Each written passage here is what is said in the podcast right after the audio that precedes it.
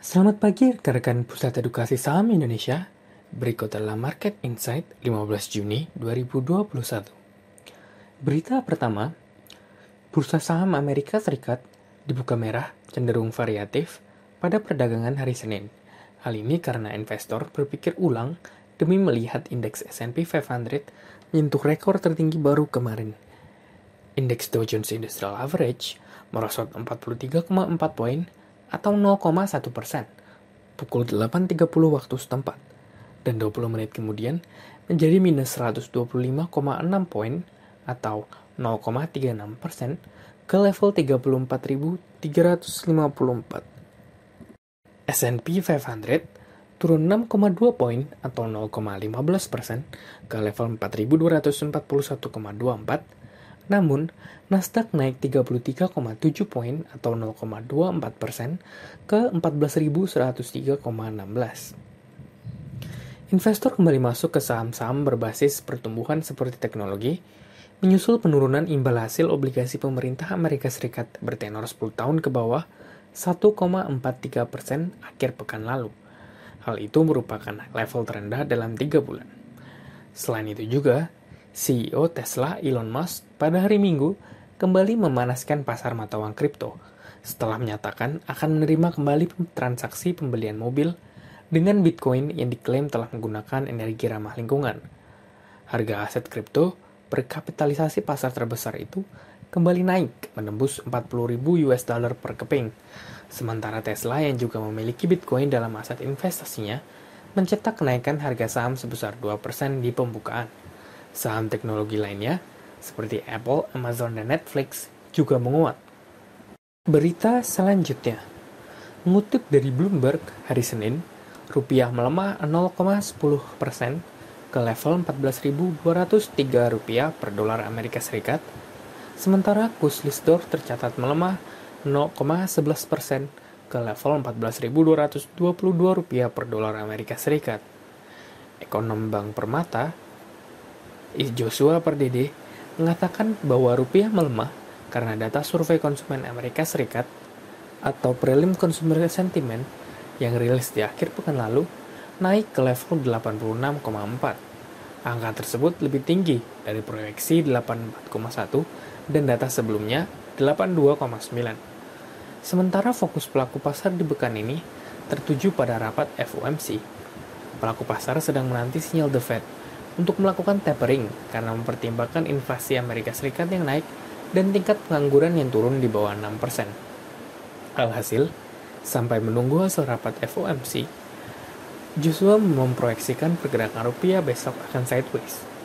Namun dari dalam negeri, pelaksanaan lelang surat utang negara Selasa berpotensi menjadi bantalan bagi rupiah untuk tidak melemah terlalu dalam jika minat investor asing meningkat. Rupiah juga berpotensi terjaga stabil. Stabilitas ini ditopang oleh rilis neraca perdagangan besok yang diramal surplus.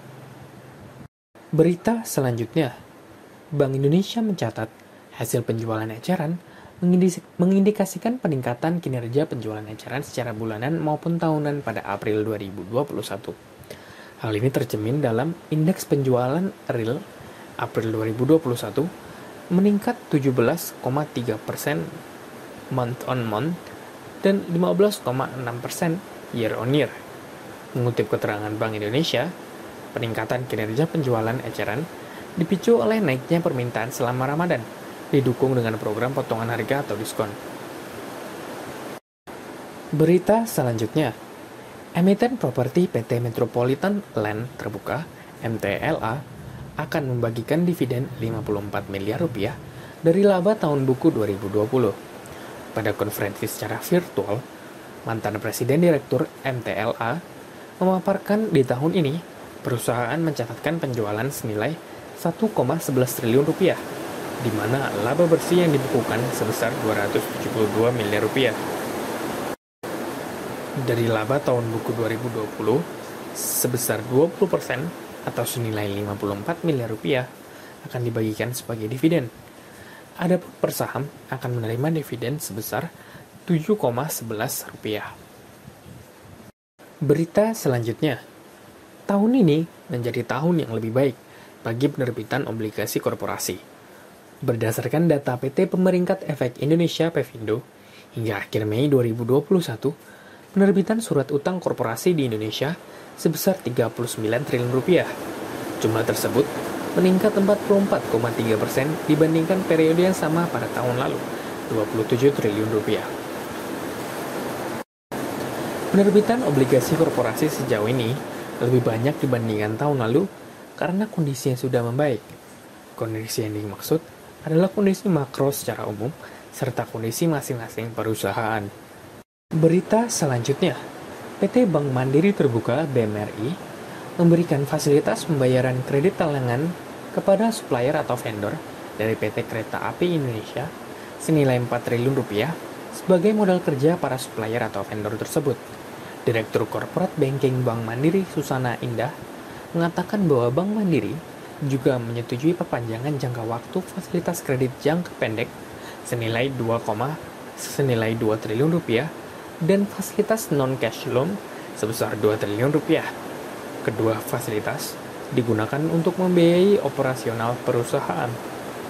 Berita selanjutnya, investor sebagian besar mengoleksi kembali SBN hari ini, ditandai dengan turunnya imbal hasil SBN acuan di hampir semua tenor hanya SBN berjangka pendek satu tahun yang yieldnya mengalami kenaikan dan cenderung dilepas oleh investor pada hari.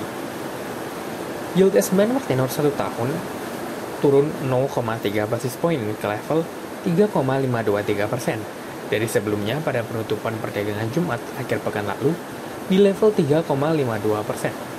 Sementara itu, yield SBN tenor 10 tahun yang merupakan acuan obligasi negara turun signifikan sebesar 7,6 basis poin ke posisi 6,358% pada hari itu.